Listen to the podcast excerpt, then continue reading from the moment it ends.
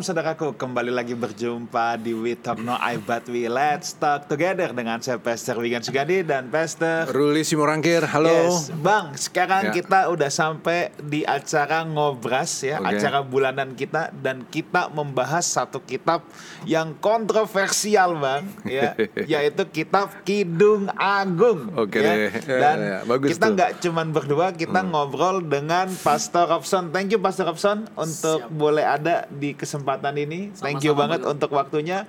Tapi sebelum kita mulai, saya ingin menyapa dulu setiap saudara yang menyaksikan ini baik secara live maupun secara eh, siaran tunda lewat MNC Channel. Saya ucapkan selamat bergabung, selamat belajar di mana pun saudara berada.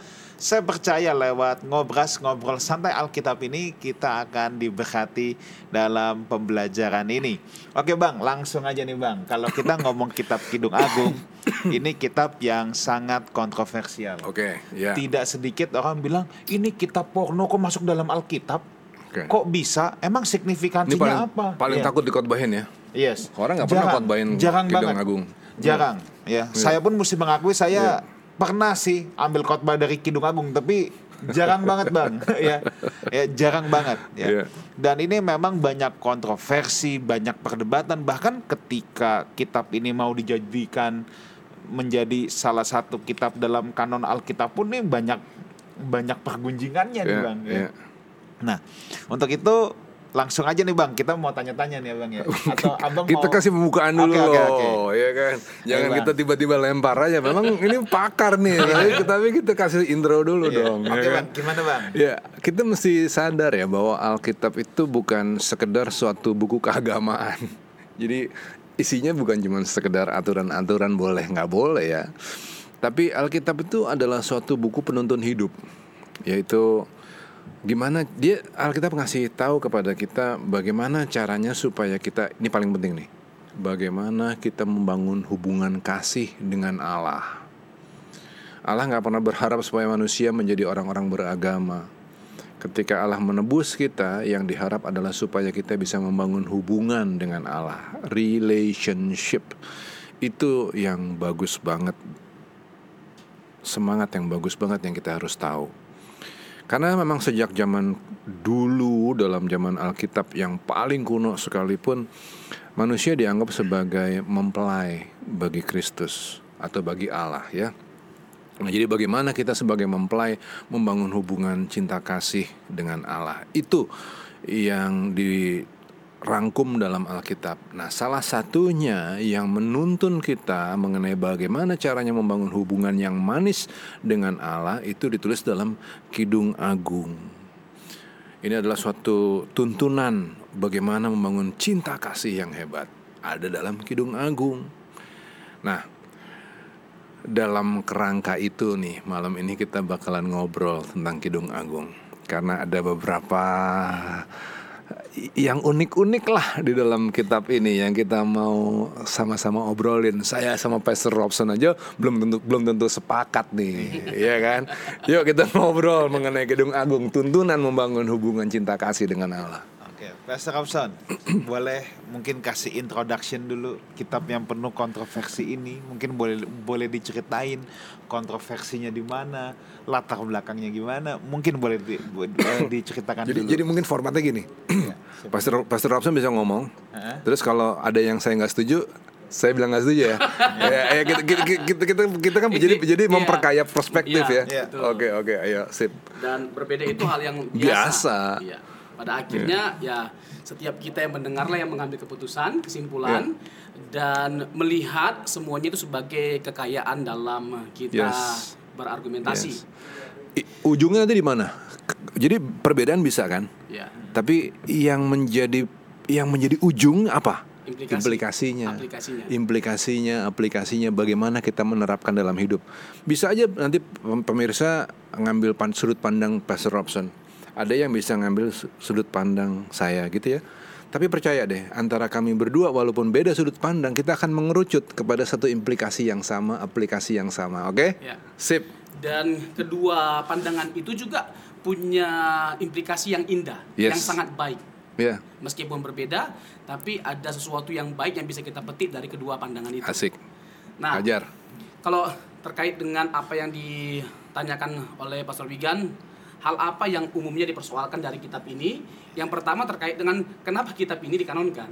Iya. Ah. Yang kedua, tokoh utamanya itu ada berapa? Dua atau tiga? Nah, di sinilah eh, persoalan yang dimaksud oleh Bang Ruli bahwa bisa terjadi perbedaan di antara kita, bukan hanya di antara kita, tapi juga di antara banyak para pakar, Pakar. atau para teolog. Dan kita eh, juga bisa mempercakapkan perbedaan ini karena memang telah terlebih dahulu para pakar memperdebatkannya. Ya. Tapi sebelum masuk ke situ, kita mulai dari hal-hal yang ringan-ringan dulu. hmm, latar terlalu- belakang, terlalu latar berat. belakang. Ya, cukup badan saya yang berat. nah, Kitab Kidung Agung adalah pengalaman masa muda Salomo yang kemudian ditulis pada masa tua raja. Pengalaman masa mudanya ini disusun dalam sebuah komposisi puisi cinta sebagai figur alegoris kesucian sang mempelai perempuan bagi Allah, sang suami bagi umat. Nah, ada yang berpandangan seperti itu. Tentunya menjadi menarik eh, kitab ini ketika kita mencoba untuk memetik pelajaran yang berharga yang bisa kita ambil dan ada eh, pandangan ya salah satunya terkait dengan kitab ini yang menekankan bahwa eh, kitab ini menggambarkan hubungan kita dengan Allah. Betul secara spesifik berbicara tentang hubungan antara seorang pria dan wanita. Bagaimana mereka dalam memadu kasih cinta kasih dan membangun cinta kasih itu. Keteguhan cinta yang tak terbeli dari seorang gadis sederhana kepada sang kekasih kemudian gembala dari kampungnya dalam kitab ini Salomo mengungkapkan rasa kasmarannya kepada sang gadis sulam itu. Ia sangat menarik dan jelita. Perasaan Salomo terpikat secara mendalam dengan gadis ini sebagaimana biasanya orang teri- terpikat kepada kekasih dan pengantin pertamanya.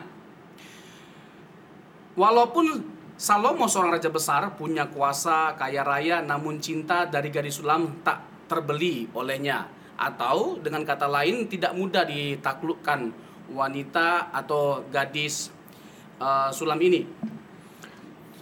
Dan waktu itu ini kan terkait dengan masa muda Salomo, dia sudah punya 60 60 istri. Ini bukan main ya, 60 dan kita tahu bahwa eh, nantinya istri Salomo itu berjumlah 700 dan gundiknya itu ada 300. Jadi ada 1000 pasangannya. Itu banyak sekali ya. Nah itu juga menjadi uh, isu yang menarik untuk kita berbincangkan. Apakah kita melega- melegalkan yang namanya uh, apa istilahnya Poli- Poligami. po- ya poligami, Ya, Yes. poligami. Lebih dari satu istri. Nah apakah kita melegalkan ini? Kalau memang uh, tidak boleh, kenapa seakan-akan Salomo diizinkan Tuhan? Apakah ini kasusnya adalah sesuatu yang diizinkan oleh Tuhan atau tidak? Nah ini menjadi menarik juga dalam konteks kekristenan untuk kita persoalkan karena ada juga yang sempat mengkritisi iman Kristen. Ini seorang Kristen yang uh, lalu menjadi non Kristen lalu mengatakan bahwa dalam konteks kekristenan poligami itu bisa disahkan. Lalu dia merujuk kepada Salomo. Nah, apakah benar tuduhan itu? Ah, nanti menjadi menarik untuk kita diskusikan. Jadi eh, kitab Kidung Agung memuji dan meluhurkan cinta kasih yang mempersatukan laki-laki dan perempuan. Para berhikmat di Israel mengamati gereja gejala itu antara manusia. Mereka menilainya sangat positif. Cinta kasih itu adalah sesuatu yang sangat berharga. Karenanya lagu-lagu cinta itu dikumpulkan dan akhirnya malah dimasukkan ke dalam kitab suci. Sebab para berhikmat percaya bahwa cinta kasih itu termasuk ke dalam ciptaan Tuhan dan merupakan suatu karunia yang perlu diterima dan dihayati sesuai dengan kehendak penciptanya, sesuai dengan kodrat cinta kasih itu sendiri.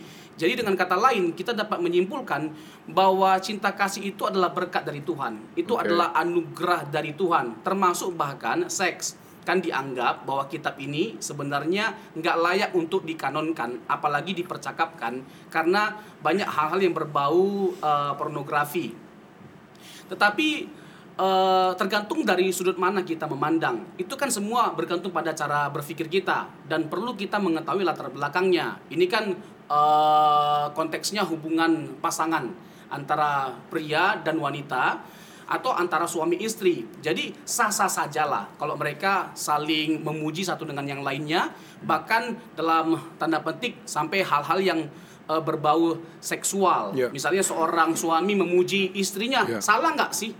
Kalau Ya. sampai memuji misalnya keindahan dari tubuhnya, masa dipandang itu sebagai sesuatu yang bersifat pornografi? Ya. Kecuali dia memuji keindahan tubuh orang lain, istri orang lain. Ya.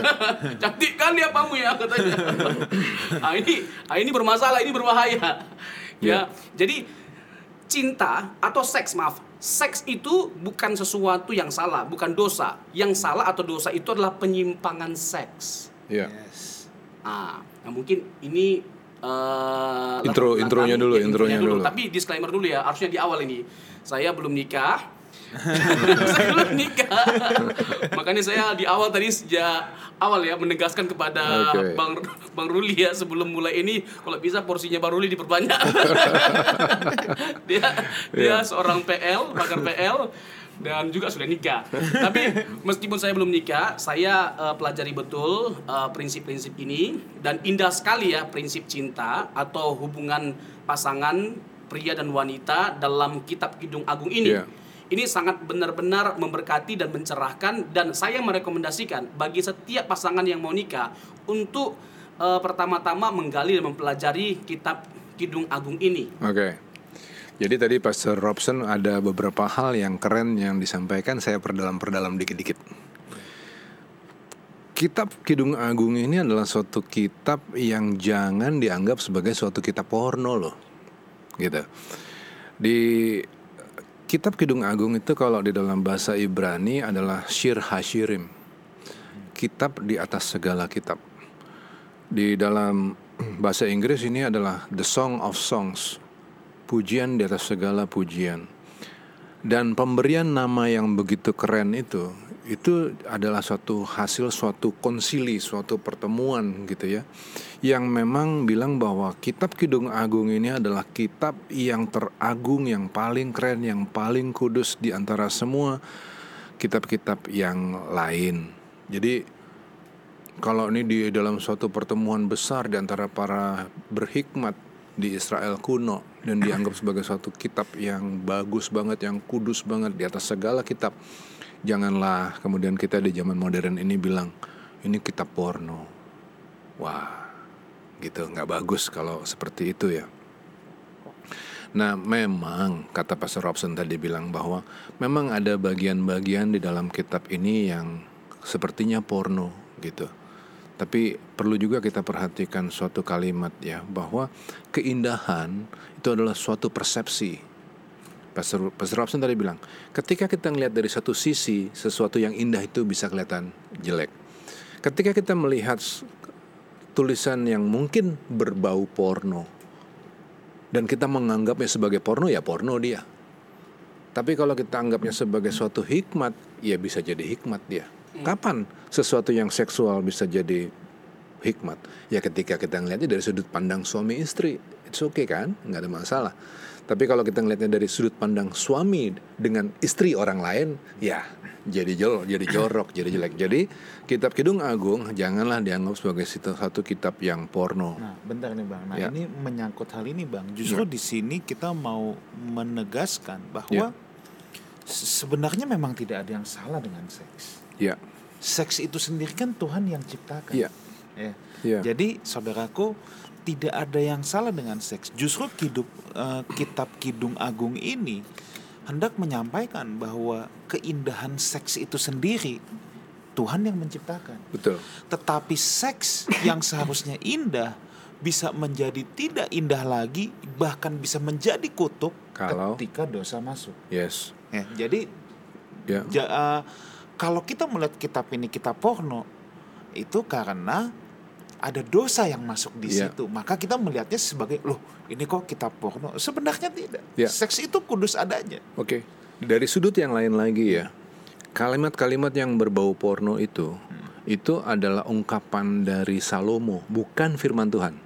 Orang suka Ya. bilang, ah ini firman Tuhan, firman Tuhan kenapa porno gitu kan? Orang-orang suka ngomong gitu, apalagi orang-orang dari agama lain. Dia akan bilang, ini lihat tuh, masa firman Tuhan jorok begitu gitu loh. Orang ngomong, no, jangan salah. Kalimat-kalimat yang ditulis dalam Kidung, Kidung Agung itu sebagiannya adalah kalimat Salomo. Ketika Salomo lagi merayu gadis sulam. Itu. Jadi bukan firman Tuhan itu bagian itunya. Oke. Nah, em, sekarang kita masuk ke perbedaan pandangan dulu nih. udah ya latar belakang latar belakang udah kan? Ya. Oke. Jadi ini kan fix ya. Eh, Ya. Ini kitab ini ditulis oleh Salomo ya. Ya, Nah, tadi sama-sama kita. abang bilang Salomo merayu gadis sulam. Siapa sih bang itu gadis sulam? Ah, oke. Jadi kalau kita lihat di dalam cerita tentang gadis sulam ini ada suatu jadi cara penulisan kitab Kidung Agung ini itu seperti cara penulisan naskah drama. Jadi ada beberapa babak yang ditulis di situ. Ya. Babak yang pertama itu adalah mengenai gadis sulam di perkemahan Salomo dulu. Babak yang kedua Nah ini tapi kalau udah sampai sini ya udah gini deh lanjut dulu. Gemba cerita tentang gembala kekasih gadis sulam. Itu babak yang kedua. Terus si gadis sulam rindu sama gembalanya. Gadis sulam di Yerusalem, mimpi sang gadis, rayuan Salomo yang terakhir, gadis sulam pulang. Itu skemanya begitu. Nah, kalau pertanyaan Pastor Wigan tadi, siapa sih gadis sulam itu? Jadi gadis sulam ini adalah seorang gadis yang tinggal di suatu tempat gitu ya. Yang pada saat itu tempat ini tempat antah berantah. Didatangi oleh Salomo dengan kemegahan kerajaan dia datang ke sana bangun tenda di tempat kampungnya gadis sulam. Sementara si gadis sulam ini adalah orang yang sederhana banget. Sederhana banget. Ditulis di dalam di dalam kitab Kidung Agung bahwa si gadis sulam ini hitam tapi cantik. Pertanyaannya, kenapa dia hitam? Karena dia kerja di kebun anggur. Makanya dia hitam. Nah, Salomo bikin tendanya di perkebunan tempat si gadis sulam kerja. Gadis sulam yang hitam karena dia orang sederhana, dia nggak punya uang, dia harus kerja di situ. Ketemu sama Sulam, eh, sama Salomo dengan kemegahan kerajaan, gitu. Ya. Kidung Kidung Kidung Kidung 8 ayat 11. Salomo mempunyai kebun anggur di Baal Hamon. Nah, itulah nama tempat di mana dia ketemu sama si gadis sulam. Oke? Oke. Ya. Oke. Terus, lanjutnya apa pertanyaannya tadi? Memang hitam aku tetapi cantik Kidung Kidung Agung 1 ayat 5. Ya, itu ya. Jadi di Baal Hamon perempuan cantik tapi Oke. hitam. Oke. Terus Nah sekarang pertanyaannya nih yang kita mau ramein nih Ada tadi saya dari cerita ya di depan ya Bahwa penulisan Kidung Agung itu seperti penulisan kita kisah drama Ada babak-babaknya Ya. Nah dalam bab, dalam suatu kisah drama selalu ada pemain Nah pemainnya menurut Pastor Robson ada berapa pihak Ya. Nah ini eh, yang Ya. jadi persoalan yang pelik yang bisa kita temukan ketika kita mencoba untuk menggali kitab Kidung Agung Ya. terkait dengan tokoh utamanya sebenarnya ada berapa Iya. dan di sini para pakar itu berbeda pandangan satu dengan yang lainnya ada yang bilang dua ada yang bilang tiga kalau dua itu terkait dengan eh, perempuan itu gadis itu Gadis sulam dan gadis Salomo. Sulam dan Salomo. Oke. Kalau Ya. tiga itu gadis Sulam, Salomo, Raja Salomo dan pemuda penggembala. Kekasih gadis sulam Ya, kekasihnya gadis Sulam. Ya. Oke. Nah, eh, menarik untuk kita mengungkapkan ya pandangan ini Ya. kedua-duanya terlebih dahulu sebelum pada akhirnya kita menentukan mana yang lebih presisi kalau kita eh, menyelidiki Alkitab mana lebih cocok ya dua tokoh utama atau tiga tokoh tokoh utama. Oke. Nah, kalau terkait dengan tiga tokoh utama, menariknya begini. Eh, si gadis sulam ini adalah perempuan yang bukan hanya sekedar cantik parasnya, tapi batinnya, karakternya, Ya. attitude-nya. Karena dia bukan seorang wanita yang gampangan dalam tanda petik, dia bukan seorang wanita yang mudah ditaklukkan. Bahkan ini sekelas raja loh Salomo ini. Sebentar, bentar, bentar. Jangan lari ke situ dulu ya. Udah ya. Iya. Jadi Islam keren ya. Kan mungkin yang yang ini kan mau bilang nih, das- dasar dari mana? Dua dan tiga. Ya. Pendapat ahli yang mana kan gitu ya. Oke, iya. Manuskrip yang mana dulu ya. Iya. Nanti nanti lanjutin yang itu ya. Siap. Kualitas gadis sulam ya. Oke, pendapat pertama tentang dua atau tiga pemeran utama saya jelasin. Ya, pendapat yang pertama bilang bahwa hanya ada dua tokoh dalam kitab ini. Tadi Pastor Robson udah bilang Gadis Sulam dan Salomo. Pendapat itu mungkin diambil dari manuskrip Yunani yang asal dari abad keempat dan abad kelima yaitu Codex Sinaiticus dan Codex Alexandrius. Dan hal ini dipaparkan oleh Roland Murphy dalam Biblical Theology Bulletin. Kemudian juga disebutkan dalam Commentary on the Old Testament in 10 volumes ya yang dibuat di Grand Rapids Nah, oleh tokoh namanya Delitzsch. Nah, itu yang mengenai dua tokoh. Ada pendapat yang kedua yang mengajarkan kemungkinan tentang adanya cinta segitiga, yaitu antara Salomo, gadis sulam, dan kekasih gadis sulam yang adalah gembala.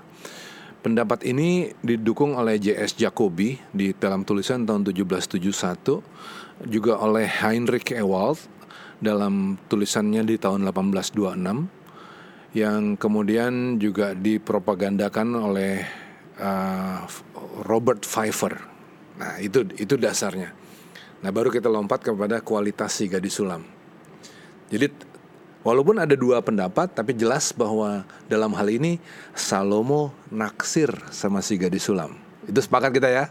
Mau dua atau tiga ya? Ya. Dua du- kita sama-sama sepakat naksir dan si gadis sulam ini adalah gadis sederhana. Itu sama-sama kita sepakat ya. Oke. Nah, sekarang dia dengan latar belakang kerajaan, hebatnya tenda-tenda yang luar biasa, ketemu di perkebunan, datengin si gadis sulam. Ya. Kualitas apa yang dia punya? Lanjut tadi. Ya, jadi eh, kalau kita bicara tentang tiga tokoh, jadi good gadis Sulam ini adalah seorang gadis yang attitude-nya luar biasa.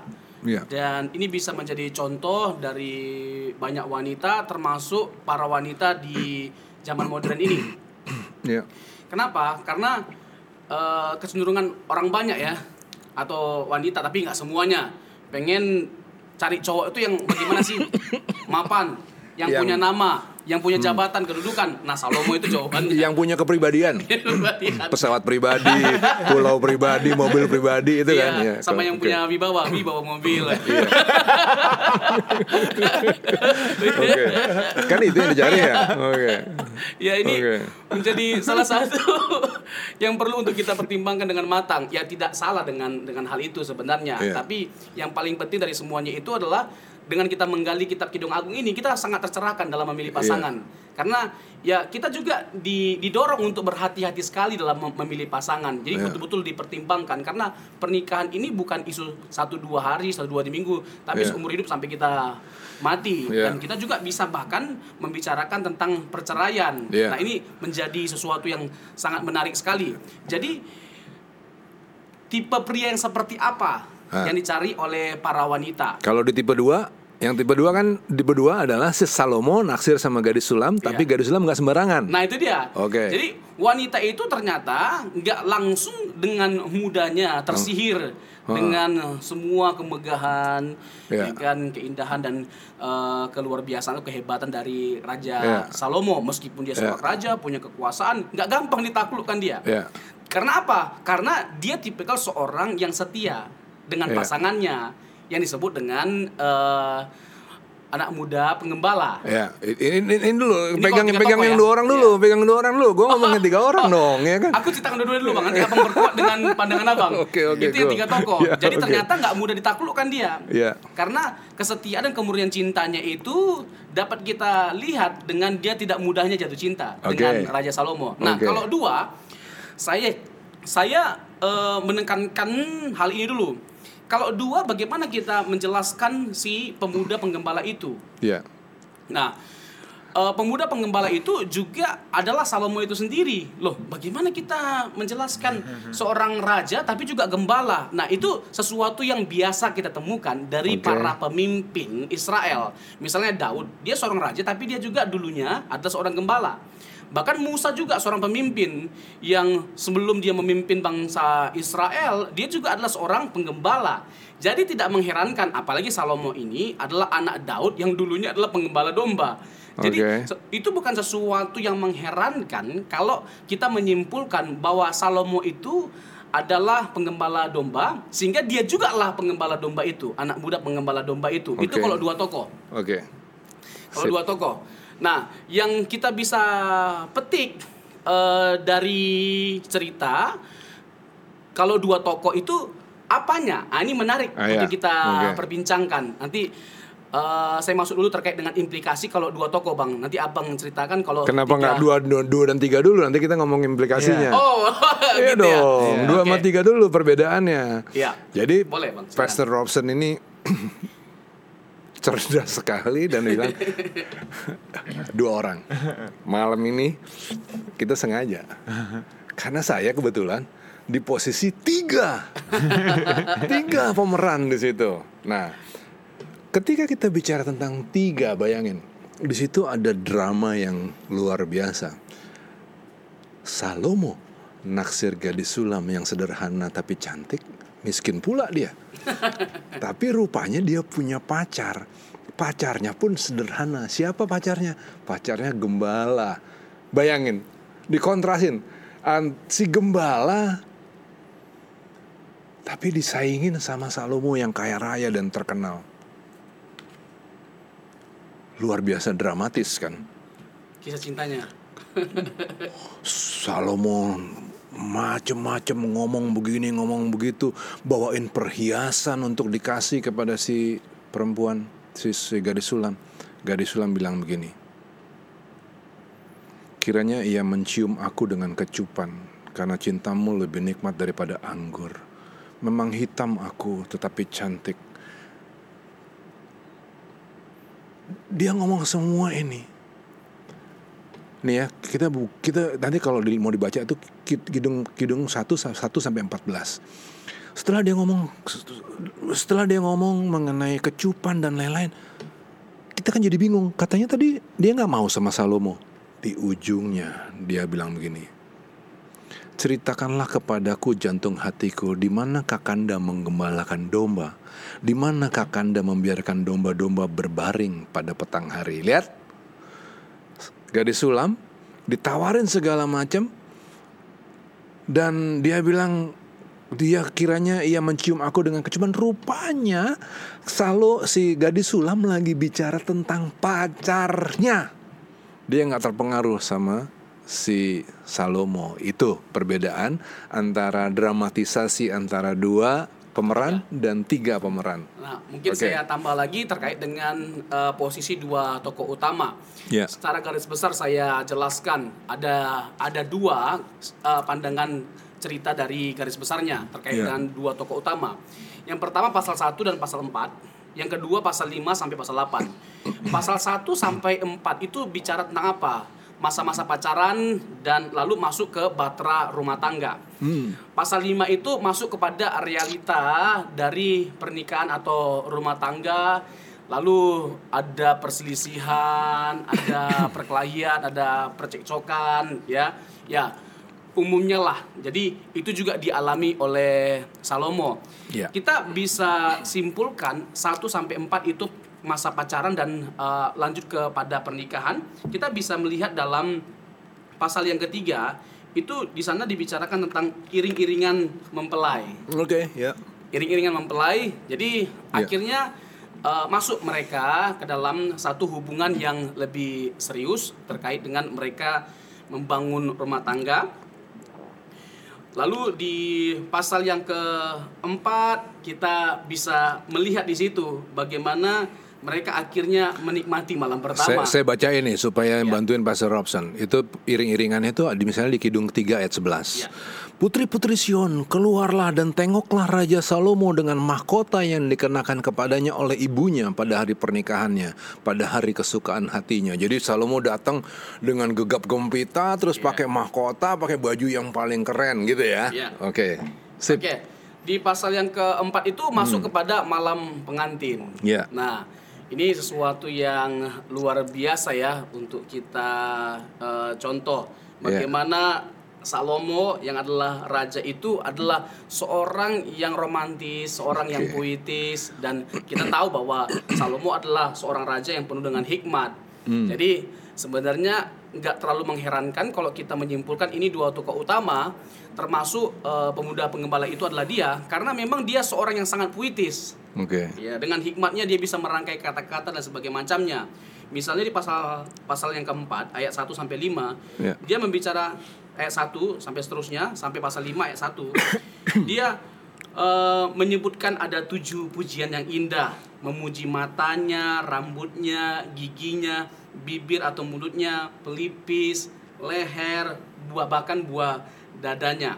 Ya. Nah, ini eh, adalah case ketika mereka sudah di malam pengantin sudah nikah. Sebelumnya memang kita bisa lihat bahwa sang suami mengerti kekhawatiran sang istri pasal yang keempat ayat yang ke-8. Lalu sang suami memuji kegadisan sang istri pasal 4 ayat 12 ternyata didapati bahwa sang istri ini adalah seorang yang menjaga keperawanannya. Nah, ini menjadi menarik juga untuk kita eh, percakapkan bagaimana eh, suami se- se- se- seorang pria dan seorang wanita dalam hubungan masa pacaran benar-benar menjaga relasinya atau melihat uh, perlunya ada batasan, jangan menabrak batasan sampai pada akhirnya semuanya dinikmati pada waktunya. Oke. Lalu pasal yang keempat ayat 16 sang istri siap dan memanggil suaminya untuk datang. Lalu mereka menikmati malam pertama yang indah di pasal 5 ayat yang ke-1. Nah, itu kalau kita bicara eh, dua tokoh utama. Jadi dibagi dua, pasal 1 sampai 4 itu bicara tentang masa pacaran dan Pendekat PDKT lah PDKT. PDKT, Ah, PDKT. ya kan Ah. PDKT. Lalu mereka pada akhirnya nikah. Ah, ah. Itu di pasal 3 dan 4. Lalu pasal 5 sampai pasal yang selanjutnya itu Menikmati mulai ada perselisihan. Ribut-ribut Ya, sebagai ribut. suami istri. Pasal yang keenam mulai masalah diselesaikan lagi. Oke, Nah, itu itu. kalau dua ya. Ya. Sekarang saya kalau yang tiga, nih jadi gini. Sepanjang cerita, bahkan sampai Kidung tujuh, gadis sulam tetap nolak loh. Di Kidung tujuh tuh Salomo berusaha untuk merayu gadis sulam pakai rayuan yang sangat seksual. Kidung 7 ayat 7. Saya nggak baca ya, nanti dibaca aja Kidung 7 ayat 7 tuh rayuan yang sangat seksual. Dan ini mereka udah dari Yerusalem ya. Gadis sulam dibawa ke Yerusalem dari kampungnya dibawa kembali ke Yerusalem dirayu seperti itu di kandangnya Salomo. Gadis sulam dibikin jauh dari pacarnya yang adalah gembala yang sederhana itu. Tapi sekalipun dia ada di kandangnya Salomo, gadis sulam tetap bilang begini, kata-katamu manis bagaikan anggur. Ya, anggur itu mengalir kepada kekasihku, bukan kepada Salomo. Dengan tak putus-putusnya, melimpah ke bibir orang-orang yang sedang tidur. Kepunyaan kekasihku aku, kepadaku, kepadanya gairahku tertuju. Dia bilang begitu. Itu Kidung 7 ayat 9 sampai 10. Dan kemudian dalam Kidung 8 ayat 5 sampai 6, gadis sulam menggambarkan besarnya cintanya cintanya bagi gembala seperti kasih api Tuhan yang menyala. Seperti kasih api Tuhan yang menyala. Shall ya.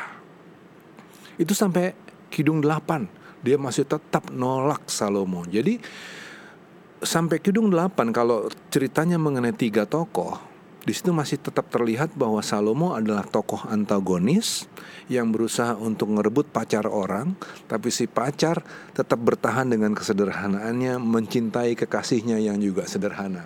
Itu dia kalau tiga ya, kalau dua lain lagi. Cinta kasih dalam dalam hubungan suami istri kan juga bagus juga kan. Ini Oke. kitab ini luar biasa ya. Luar biasa. Drama ini bisa dilihat dari dua angle. Dari ya. dua angle. dari iya. dua angle dan memang diakui oleh para pakar kitab Ya. ini memang sesuatu yang tidak mudah untuk dipahami Pahami, ya. karena tidak terlalu detail mengalamatkan ini kepada siapa tokohnya Karena puitis juga. dan ya sifatnya kan? puitis Iya. iya. Iya. Nah, mungkin saya tambahkan terkait dengan apa yang tadi Abang sampaikan ya, Iya. terkait dengan perbedaan ini ya Bang ya. Iya. Nah, memang eh, mulai ada percekcokan itu di pasal yang kelima. Oke. Ya, seperti lazimnya hubungan rumah tangga, ya. Pasti adalah yang namanya percekcokan dan itu dianggap eh, sesuatu yang biasa. Tetapi dari hubungan ini juga kita belajar pentingnya untuk saling memahami satu dengan yang lainnya. Sekali lagi disclaimer saya belum nikah. Tapi Nomor nomor nomor telepon nggak sekalian dikasih tahu. Siapa tahu ada. Nah, ini menarik Bang di pasal yang kelima ayat 2 sampai 8 itu terkait dengan eh, bagaimana sang suami memanggil dengan sebutan sayang yang lebih banyak dari waktu pacaran. Oke. Nah, ini dia. Oh, Ini udah kawin nih. Udah Udah kawin kawin, ini. tetap panggilan sayangnya masih kencang. bahkan lebih banyak Oke. daripada waktu masa Oke. pacaran. Nah, Oke. ini menjadi pertanyaan buat setiap pasangan-pasangan yang ada yang sedang Iya. nonton, baik Iya. jemaat maupun yang lagi menyaksikan di televisi. Iya. Nah, bagaimana apakah kita makin sayang sama istri ya waktu sudah nikah atau bagaimana? Apakah makin malah, mesra? malah makin dingin, Ah. ya kan? Ada Ah. orang yang romantisnya luar biasa ketika nikah, ada yang tiba-tiba runtuh keromantisannya waktu sudah nikah. Iya. Ibarat eh, seorang pemancing sudah dapat ikan, ya nggak perlu lagi dikasih umpan, kan sudah dapat. ya kan waktu masa pacaran, ya kan beb, ya kan panggilannya kan sayang, pipi, mimi, aduh banyak sekali. aduh ayang-ayangku dan lain sebagainya macamnya. Hmm. Ya kan, nah waktu sudah nikah ada yang kayaknya susah sekali muji istri. Ya kan Hmm. istri udah can- dandan cantik cantiknya luar biasa pakai eh, bulu mata anti badai, ya kan semuanya lah. Pokoknya terlihat cantik banget lah. Ya kan lalu Hmm. si istri nanya, "Papi, aku cantik gak menurut kamu?" Biasa aja. nah, ini ini ini menjadi menarik ya untuk dipikirkan, direnungkan bagaimana sang suami ya namanya juga istri ya kan kalau diucapkan kata-kata indah itu menyenangkan telinganya. Ya Oke. apa salahnya sih? Ya kan? Oke. Ya kan kalau bisa nggak nggak terlihat cantik pun bilang aja cantik. Biar nggak ada percecokan. nah, itu di ayat 2. Lalu kita tahu kita tahu Bang bahwa setelah menikah sang istri mulai kurang perhatian terhadap suami. Perhatian kontras antara suami yang bekerja keras dan istri yang bukan bahkan malas menyambut suami. Nah, itu bisa terlihat percecokan-percecokan itu Emang Lalu- ada yang kayak gitu-gitu di antara di antara yang lihat acara ini nggak bak Nggak bakalan lah. nggak mungkin lah ya istri istri nggak nyambut suami. Ah nggak mungkin lah itu ya kan? Oke oke lanjut. Nggak, nggak ada bang, nggak ada. nggak ada. nggak ada. Oke. Oke. Nah, eh, dipersoalkan terkait dengan waktu kita cekcok, ingatlah hal-hal yang positif dari pasangan kita. Nah, ini yang menjadi pertanyaan. Ini pasal 5 sampai ayat 9 sampai 16. Kalau kita berantem, Iya. yang kita ingat itu lebih ke apa? Hal positifnya atau negatifnya dari pasangan kita. hmm. Nah, yang Oke. membakar eh, masalah itu menjadi lebih besar ya ketika kita ingat yang negatifnya. Kamu Iya. itu ya dulu. Ah, Iya. apalagi kalau wanita sih jangan ditanya kalau masalah ingatan. 10 tahun 15 tahun yang lalu diingat detail-detailnya. Makanya eh, itu menjadi perenungan dari setiap kita kalau lagi cekcok, kita memilih mana, bagaimana kita eh, mengecilkan masalah yang besar dan menghilangkan masalah yang kecil atau sebaliknya, memperbesar masalah yang kecil dan membakar masalah yang besar makin besar. Nah, kita mau di posisi yang mana? Nah, mungkin bisa tambahkan Bang Ruli sama Pastor Ruli kan terkait dengan hal praktis ini. kalau dari sudut tiga pemeran Iya. yang bisa diaplikasikan dalam hidup itu begini. Gadis sulam itu menggambarkan bagaimana seharusnya kasih manusia kepada Allah. Bahwa sekalipun dunia peran antagonis, dunia yang nawarin keindahan, harta, kekuasaan dan lain-lain. Dunia kan nawarin itu, tapi gadis sulam enggak terganggu. Dia tetap mengasihi kekasihnya yang sederhana. Cinta yang tak terbeli. Bukankah kita hari ini ditebus dengan darah yang mahal? Tapi kenapa kok justru pada hari ini kekayaan dan kefanaan dunia justru jadi tambatan hati umat loh? Mereka ngejar sesuatu yang fana gitu. Ya mereka memang pergi ke gereja iya, tapi yang diminta di gereja kan sering kali kan penyelesaian terhadap masalah, penyelesaian terhadap sakit penyakit dan lain-lain. Itu terus yang diminta, ekonomi yang lebih baik dan lain-lain. Tuhan nggak pernah kepengen kita jadi susah dan miskin, enggak. Tapi yang dirindukan oleh Tuhan adalah bagaimana supaya kita tidak terpengaruh dengan segala macam keduniawian. Kan itu. Kok banyak orang yang hari ini tuh justru seperti kolam bocor gitu. Bangun kolam bocor. Dalam Yeremia 2 ditulis begini. Mereka meninggalkan aku, Tuhan tulis. Sumber air yang hidup untuk menggali kolam bagi mereka sendiri, yakni kolam yang bocor, yang tidak dapat menahan air. Kok kamu nggak bisa sih seperti gadis sulam, sekalipun ditawarin kemewahan yang luar biasa dari Salomo, raja antagonis itu, tetap milih kekasih hatinya yang adalah gembala. Kok nggak bisa sih? Gadis sulam itu menggambarkan Hawa yang tidak tergoyahkan pribadi yang merasa cukup dengan apa yang dia punya. Pribadi yang justru kejar suatu kasih yang menyala seperti nyala api Tuhan, shall have it ya. Nah, jadi aplikasinya adalah apakah kita merasa cukup sekalipun hari ini mungkin kita sakit, mungkin penyakit kita nggak terselesaikan, mungkin hari ini kita nggak punya uang, mungkin kita banyak masalah dan lain-lain. Tapi apakah kita merasa cukup? Apakah kita punya kerinduan untuk membakar hati kita supaya kita bisa punya cinta kasih yang menyala kepada Tuhan? Itu aplikasinya. Jadi ini luar biasa ya bang ya. Mau hmm. dari angle dua pemeran maupun tiga pemeran bisa dapat yang dari keindahan. dua angle Salomo jadi uh, pemuda pembala pemeran baik pemeran baik kalau oh. di, di yang antagonis di, yang apa tiga iya, pemeran ini jadi antagonis. antagonis. Tapi dua-duanya kita bisa belajar sesuatu nih bang. Nah, yeah. saya mungkin mau ambil aplikasi praktis gini bang. Ya. Salom uh, Kidung Agung 2 ayat 7 dikatakan gini, kusumpahi kamu putri-putri Yerusalem demi yeah. kijang-kijang dan demi rusa-rusa betina di padang. Nah ini.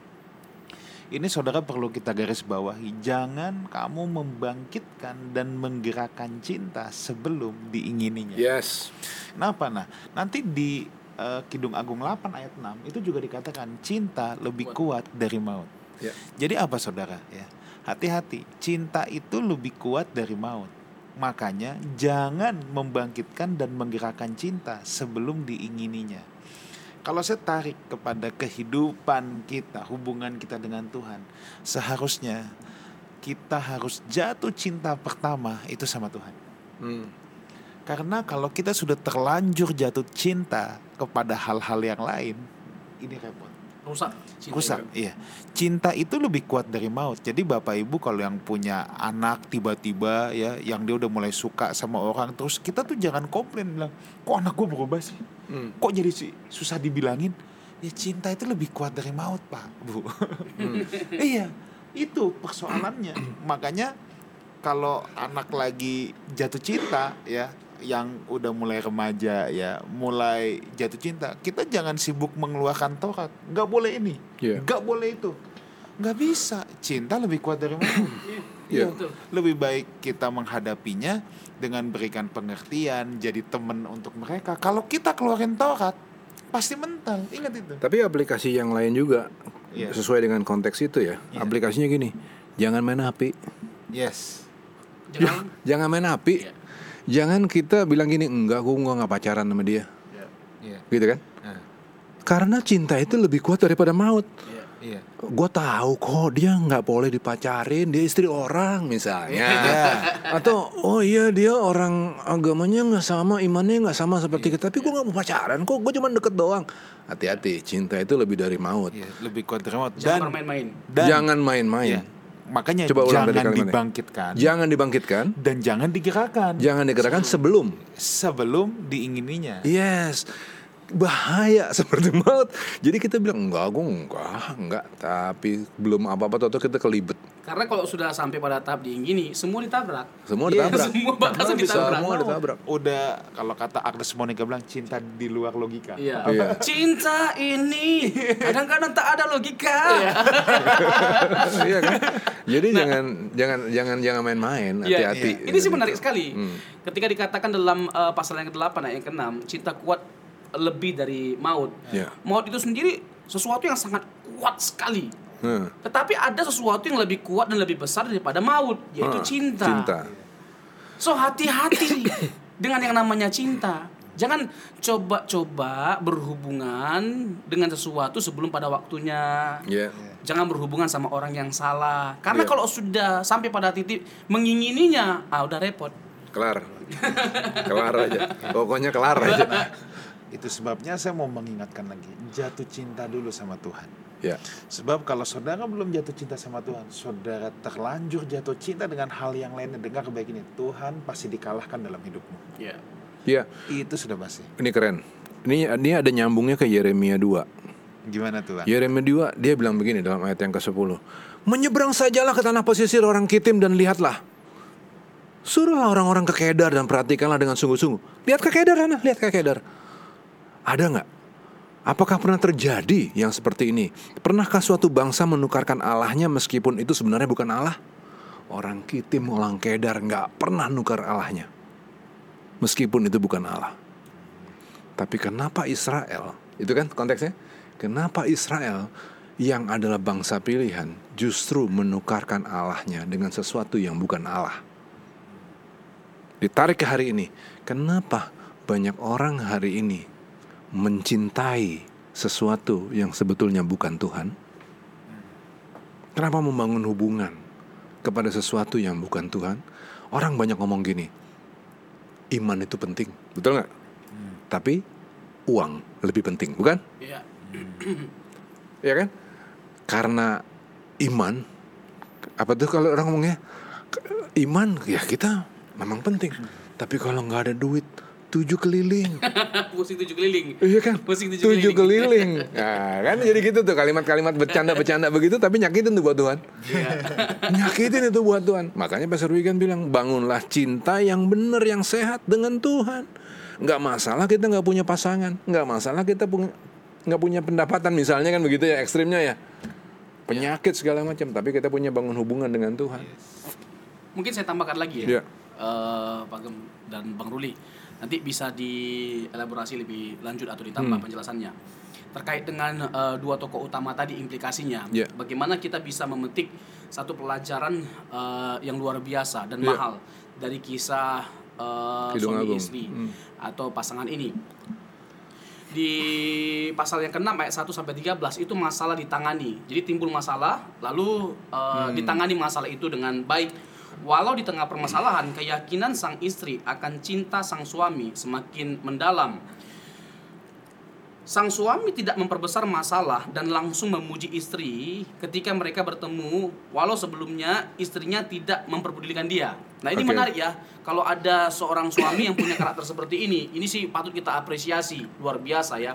Meskipun eh, sudah capek, sudah lelah, ketika nggak diperdulikan sama istri, tapi dia nggak menjadi marah. Padahal eh, nggak jarang kasusnya ketika suami udah capek, udah lelah, pulang dari kerja, ya kan tidak dibaikin, tidak diperhatiin, ya kan tidak dipeduliin, makan pun nggak ada di meja, itu langsung bisa Marah sampai ya, marah luar mabuk ya. biasa, mencak-mencak, bahkan bisa mukul istri. Tapi Salomo tidak.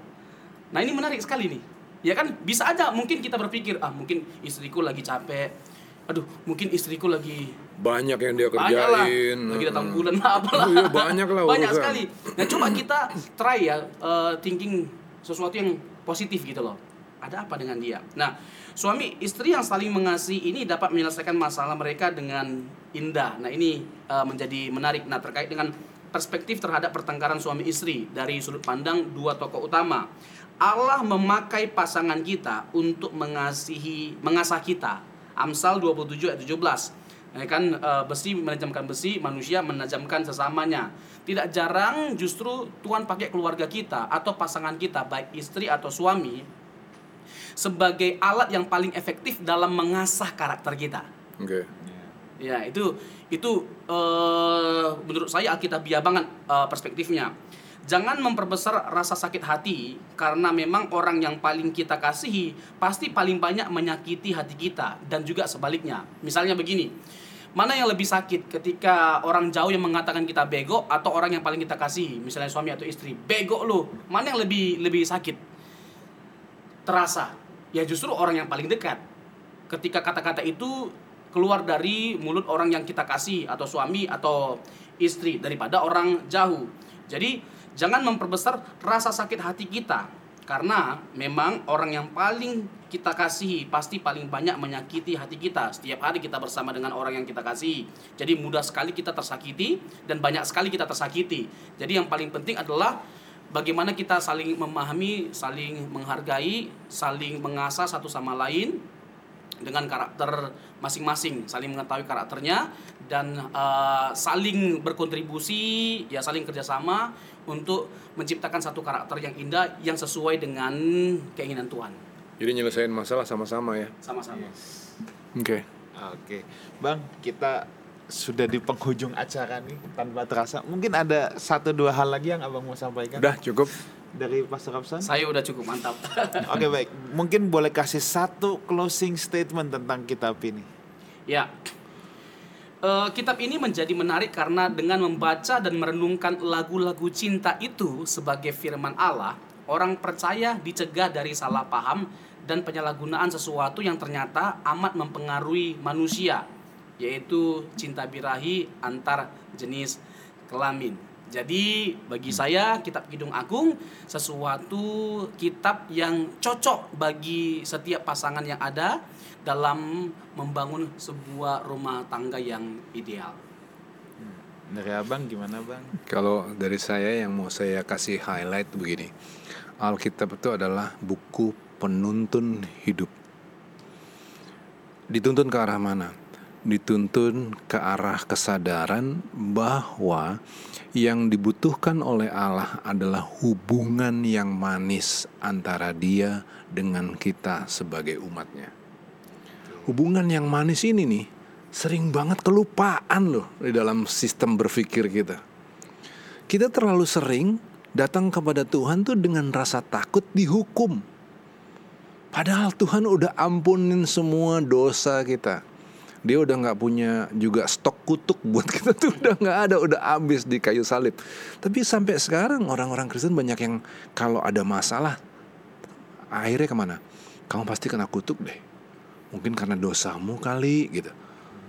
Jadi kacau karena kita takut dihukum, takut dikutuk, takut dosa dan lain-lain. Akhirnya kelupaan satu unsur yang penting, yaitu bahwa Tuhan rindu untuk membentuk hubungan yang manis sama kita. Dosamu diampunin, kutukmu diampunin, bagasimu udah disingkirin lah gitu, supaya kamu bisa jalan enteng, supaya kamu bisa membangun hubungan dengan Allah. Ini penting banget.